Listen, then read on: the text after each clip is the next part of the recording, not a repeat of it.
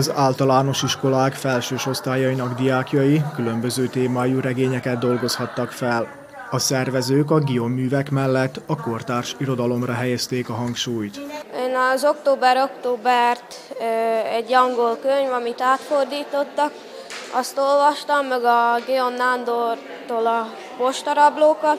Nekem jobban tetszett az Október-Október, mert az kicsit hosszabb is, meg jobb a története. Én a Kolozsi László áram nélkül, meg ugye volt egy közös, ami az áram, most a, engem nem úgy hívnak, Gion Nándor. Hát nekem a Gion Nándor tetszett a legjobban. Ö, nagyon érdekes volt, meg igazából az áram nélkül is. A diákokat tanáraik is segítették a felkészülésben. Gyerekeknek nagyon tetszettek a könyvek, mindenki elolvasta a Gion Nándor könyvét, a másik három könyvet pedig egymás közt felosztották, és aki ráért, az természetesen több könyvet is elolvasott. Olvasónaplót vezettek, hogy aztán vissza-vissza tudják olvasni, hogy mit olvastak, emlékezzenek. A verseny célja a diákok olvasásra való ösztönzése és a tanulók szövegértő olvasásának fejlesztése. Idén is túljelentkezés volt, már tavaly is. Az idén meg egyértelműen kértük a tanárokat, hogy, hogy ők is valamilyen módon próbáljanak egy vonalat húzni, hogy ki az, aki jöhet, és ki az, aki nem jöhet. 179 gyerek jelentkezett be. És én azt gondolom, hogy ha 179 gyerek ö, elolvasott plusz csak egy könyvet, ami a kötelezőn túl van, akkor szerintem már nincs olyan nagy baj, ami az olvasási kedvet illeti. Könyvjutalom mellett az első és második helyezettek balatoni nyaralásban részesülnek, a harmadik helyezettek pedig az újvidéki nyári irodalmi táborban vehetnek részt.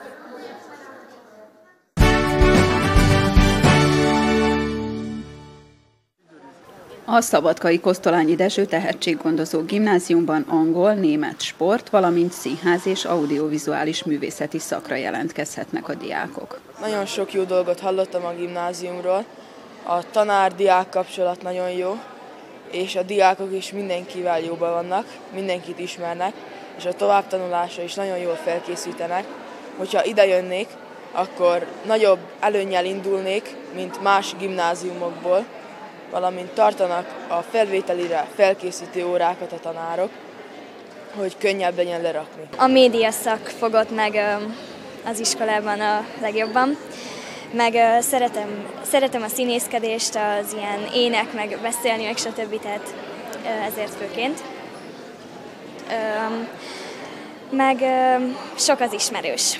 A 2024-25-ös tanévben 88 diák nyerhet felvételt az iskolába, amely kiváló alapokat biztosít az egyetemhez, mondta az intézmény igazgatója. Nagyon jó alapokat ad a továbbtanulásra, amit az előző évek bizonyítottak. Többször elmondtam, most is elmondhatom, büszkén elmondhatom, hogy az érettségiző 93%-a bekerül az egyetemekre, és 5-6 évvel később a 93%-nak a 95%-a be is fejezi. Tehát egyetemi végzettségű emberek lesznek.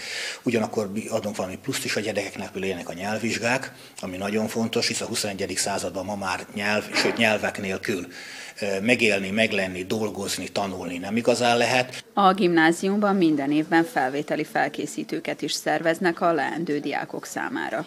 A foglalkozások februártól áprilisig tartanak majd, a felvételi vizsgákat pedig májusban szervezik meg.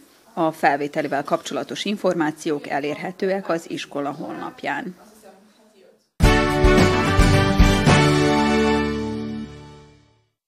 A szakmám a saját választásom elnevezésű projektum a végzős nyolcadikosoknak nyújt segítséget a pályaválasztásban. Úgy láttuk, hogy nincs olyan egységes tartalom se szerb, se magyar nyelven, ahol a tanulók tájékozódhatnak a továbbtanulási lehetőségekről. A célunk az volt, hogy lehetővé tegyük a diákok számára, hogy egy kattintással megtalálják mindazokat az információkat, amelyek a pályaválasztásban segítik őket. Ennek a honlapnak több zsebe van. Egyik részében jó tanácsokat osztogatunk, a nyolcadikosoknak, hogy hogyan készüljenek fel a záróvizsgájukra, mi az, amire oda kell, hogy figyeljenek. Aztán van egy rész, amelyben leírjuk a szakmákat, és hogy mik azok a képességek, amely az adott szakmához szükségesek. A kedvenc részünk viszont az, ahol a már középiskolába járó tanulók mondják el tapasztalataikat, és ebben a kis kétperces kisfilmekben nyilatkoznak arról, hogy miért az adott szakmát választották, és hogyan jutottak erre döntésre. Az Egyesület tapasztalata szerint sok végzős diák a külső tényezők és a környezet hatására hozza meg döntését, illetve ebben a korban még nem teljesen biztosak abban, hogy milyen szakmát szeretnének választani. A Bolyai Tehetséggondozó Gimnázium és Kollégiumba szeretnék menni, mivel az egy gimnázium, és akkor ott hát pontos szakmát még nem tudtam eldönteni, és akkor oda szeretnék tovább menni, hogy ott majd eldöntsem, és ott pedig a matek szakra, mivel a matekot azt szeretem, és jó is vagyok benne. Gimnáziumba fogok iratkozni, mert szeretem a természettudományokat, a matematikát, a biológiát és a kémiát. Még nem döntöttem el, hogy milyen szakmát szeretnék választani, de mindenképp a természettudományok terén maradnék. A honlap célja, hogy a diákoknak támogatást nyújtson a legjobb döntés meghozatalában, illetve hogy a saját képességeikhez mérten tudjanak szakmát választani.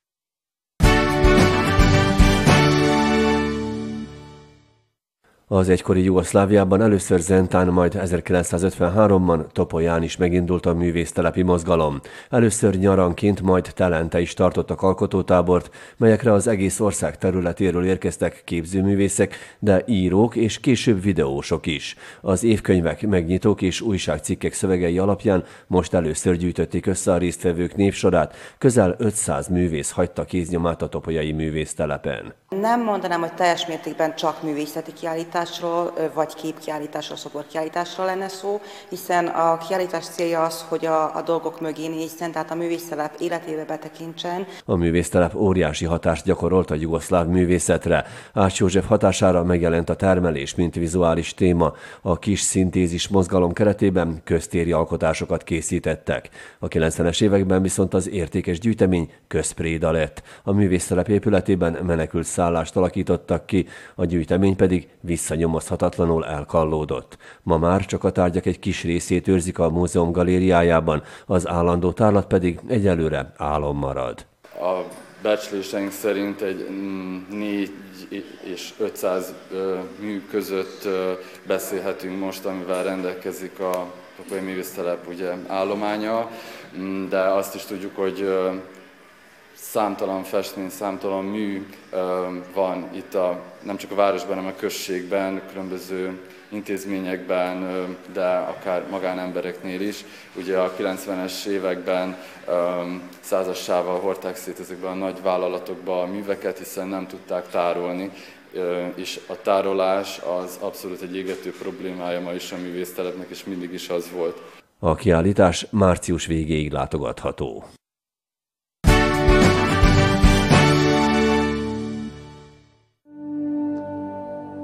Nagy volt a dokumentumfilm iránt az érdeklődés Óbecsén. A világszerte elismert és csodált magyar vízilabdasport sikeres időszakának a hátterét láthatta a közönség a nagy képernyőn, amely három ízben is megszerezte az olimpiai aranyérmet. Kemény Dénes akkori szövetségi kapitány segédedzője abban az időszakban Kásás Zoltán volt, aki 2000-ben BL-t is nyert az Óbecsei csapattal.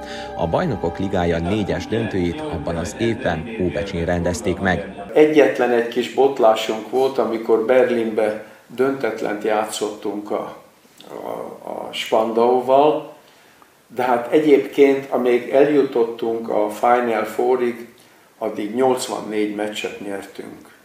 Egy döntetlennel közbe. És hát így, így, így jutottunk el a Final Fourhoz ahol aztán már nem volt megállás. A film után a közönség is meghallgathatta és beszélgethetett Kásár Zoltánnal, aki 22 év után tért ismét vissza a siker helyszínére, Óbecsére.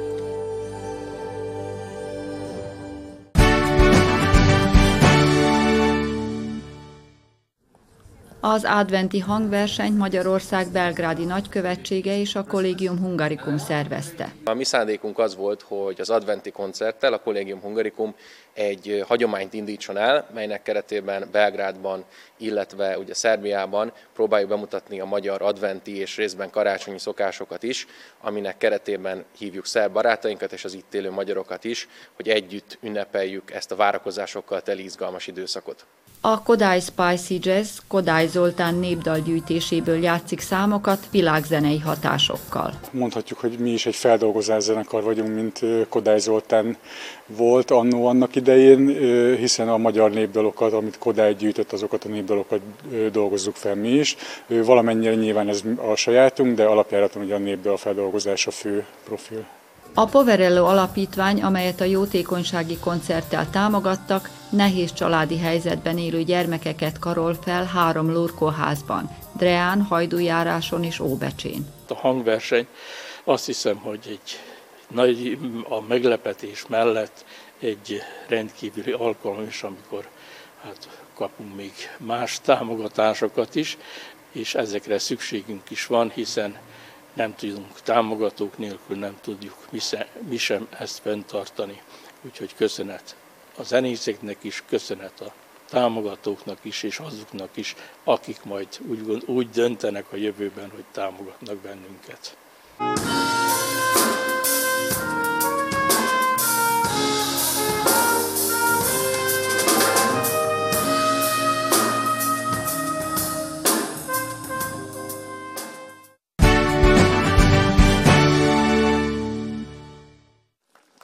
A Mária az Egyház anyja plébánia udvarán harmadik alkalommal szervezték meg az adventi jótékonysági vásárt. A rendezvény most is ünnepi műsorral kezdődött, a jelenlévőket pedig Zsejko Sipek hegyi plébános mellett Fazekas Ferenc, a Szabadkai Egyházmegye püspöke is üdvözölte. Sajnos a mai ember elkeseredik a látva a mai világot, ugye sok baj vesz körül bennünket, és hát ezért mi, akikben van valami hit, remény, ezt át kell adnunk, hogy jobbra is fordul majd egyszer a világ helyzete is. Ezt addig kell legalább a legközelebb, akik legközelebb vannak hozzánk, családjaink, a hívő közösségünk, a plébániák hívei összetartsunk és reményt adjunk egymásnak.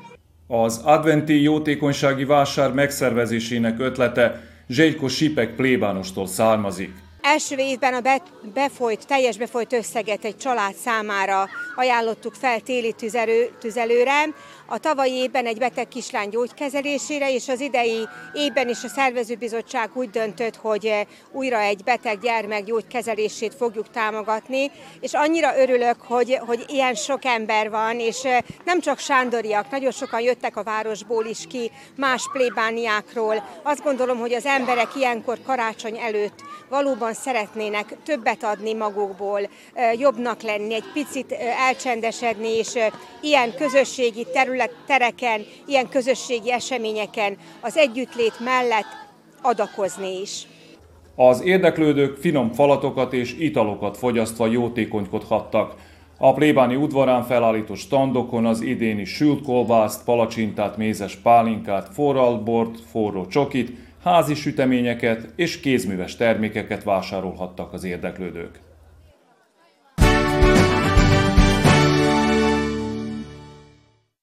Az ünnepekre készülődve idén is megtartották a falu egyik legnépesebb téli rendezvényét, amelyen az esős idő ellenére is sok volt a látogató. Ez arról szól, hogy összejövünk, barátkozzunk, beszélgetünk, jól érezzük magunkat, társalgunk, amit ugye egyébként évközben nincs rá lehetőség, mert mindenki rohan. Mivel a családból többen is fellépünk, ezért ez az egyik oka, hogy itt nagyjából egész délután itt vagyunk kint.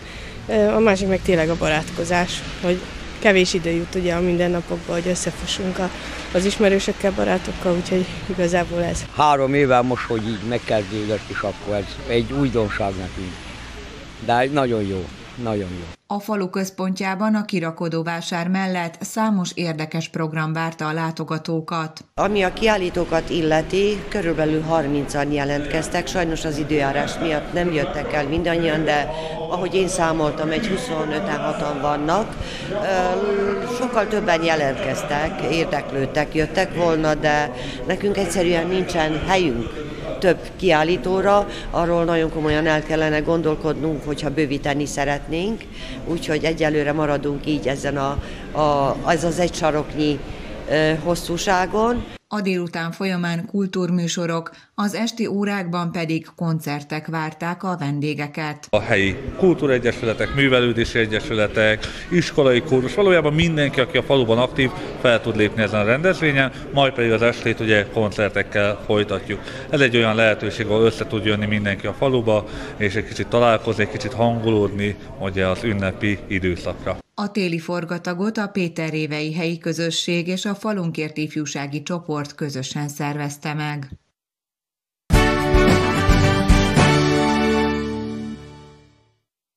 A tánemlékházban a méhészidény végén és a szőlészeti borászati időszakban kerül sor a méz és bor rendezvényre, amelyet az elmúlt két évben oktatási céllal szerveztek meg. Ez egy egészen nagy rendezvény volt, ugye kiállításokkal, előadásokkal, a koronavírus ideje alatt sajnos egy kicsit megcsapant, és idén úgy döntöttünk, hogy előadás jellegű lesz a rendezvény, ugye tavaly inkább kiállítás jellegű volt, idén Ternovács István előadását hallgathatják hetedik osztályos gyerekek, főként a Samu Mihály általános iskolából, mely előadás a méhészet és a méhek fontosságáról fog szólni. Azt gondolom, hogy időben meg kell a fiatal emberpalántákkal szerettetni a méheket, hiszen a méhek leéltek 98 millió évet az ember nélkül, aztán jött a modern értelembe vett ember, az utolsó két millió évet velünk élték le, és hát óriási veszélybe vannak mi miattunk, ugyanis annyi növényvédőszert használunk, hogy ha így folytatjuk, akkor fönnáll az a veszély, ami Kínában már bekövetkezett, hogy a méhek helyett az emberek mennek létráról ilyen parányi kis ecsetékkel, meg kefékkel porozzák be a gyümölcsfákat. Az előadáson a jelenlévők megismerhették a méhek mindennapjait, megtudhatták, miért jelentős a méhek munkája az ökoszisztéma fennmaradása szempontjából, de a méhekkel való munkáról is tanulhattak. A program a tartományi mezőgazdasági titkárság támogatásával valósult meg.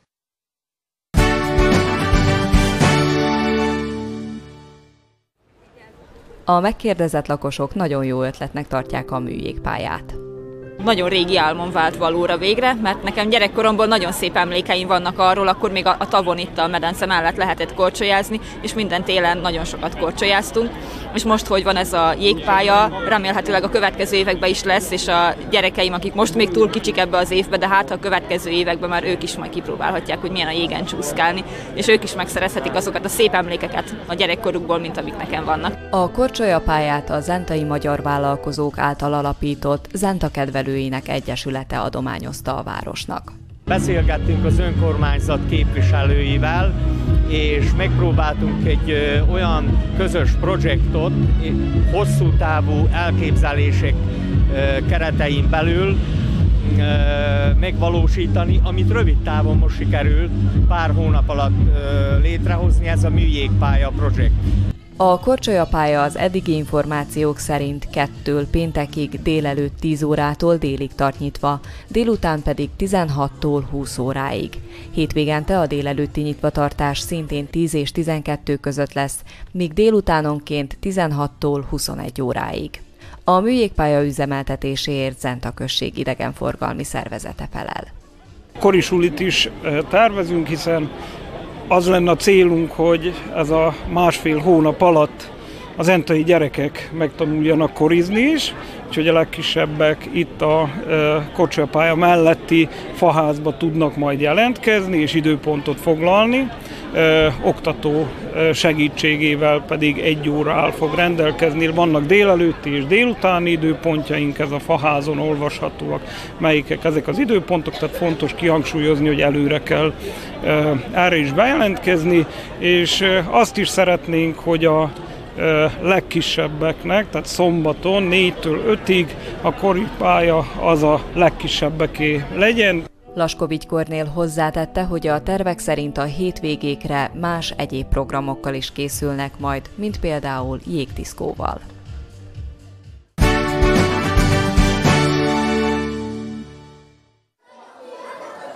A csőrege az egykori szegény világ első édeskalácsa volt ezen a területen. A Muzsiai Nőklubjának a tagjai úgy döntöttek, átörökítik ennek a hagyományát a fiatalabb generációkra. Így a legfiatalabb muzsiaiakkal közösen készítettek most csőregét. Szépen nézett ki a munka, tetszett, hogy csináltunk, gyúrtunk, vágtunk, ez nekem nagyon tetszett, az majd megpróbálom, amikor finom lesz, amikor megsütik. Csináltunk um, csőregét, um, gyúrtuk a tésztát, nyújtottuk a tésztát, és itt meg lehet tanulni mindent.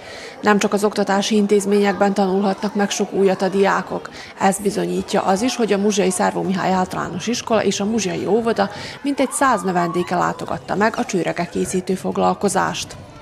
Más, más körülmények között a munka is más, más módon, más módon folyik. Én szeretem őket, és itt hagyom is távolabbról nézem őket, mert ők nagyon el vannak nagyon akarják ezt csinálni. Minden új kihívásnak örülnek, és ez, ez a legfontosabb, hogy készen állnak arra, hogy bármit megtanuljanak. Az ötlet, hogy a legfiatalabbakat megtanítsák ennek a régi kalácsnak az elkészítésére, és ezzel is továbbadják a hagyományt, még tavaly megszületett, amikor először szerveztek ilyen foglalkozást a nőklubjában. Úgy gondoltuk, hogy ne menjen ez feladésbe, mert sok nagymamán már nem él, és a gyerekek ilyesmit még nem is láttak, hogy hogy kell csinálni. Nálunk is egy legidősebb tagunk, 86 éves, az mutassa, az a, mutassa, hogy hogy kell összeállítani, és hogy csak van ennek egy kis fortéja ennek a tésztának, hogy mi jár még bele, és akkor így. Ebben szerettünk volna örömet szerezni a gyerekeknek. A foglalkozáson szerzett tapasztalat jelentős minden részvevő számára. A közös műhely munka a sütemények kóstolásával zárult.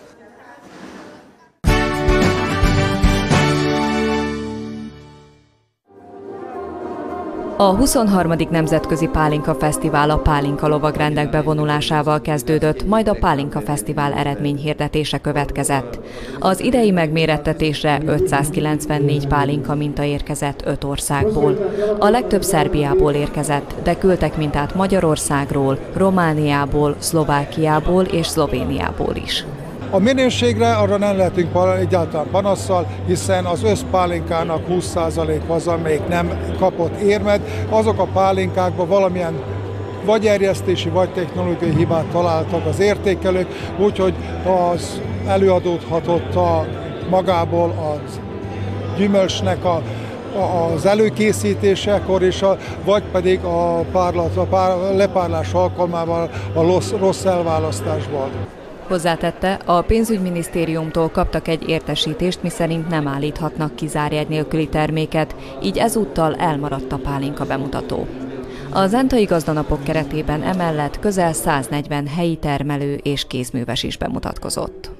Sajtokkal foglalkozunk, ugye van egy saját farmunk, és akkor úgy döntöttem, hogy a megtermelem a megtermelt mennyiséget feldolgozom egy bizonyos részét, és akkor különféle sajtokat csinálunk, mozzarella jellegű sajtokat, natur, füstölt fokagymásat, kaprossat, füstöltet, illetve jogurtokat készítünk. Fazekas főzés sütőedényekkel, teáskannákkal, bögrékkel, csészékkel, pálinkás porrakkal, pálinkás üvegekkel, tányérokkal, ezek ilyenekkel. Így a vásárlóknak is egyszerűbb megtalálni a, a helyi termékeket és az itteni dolgokat, meg fel, felismerni, hogy vannak itten is értékeink, és hogy vannak még akik ezekkel foglalkoznak. Ami vajdaságra jellemző az itt lévő magyar közösségre, amiben ezek az emberek föltalálták, megtalálták magukat, az, az minden itt van és itt képviseltetik ezen a rendezvényen, és én gondolom, hogy ezt meg kell, hogy őrizzük. A rendezvény holnap a vajdasági kulináris és élelmiszeripari kiállítással, a mesterségek bemutatójával és gépkiállítással fejeződik.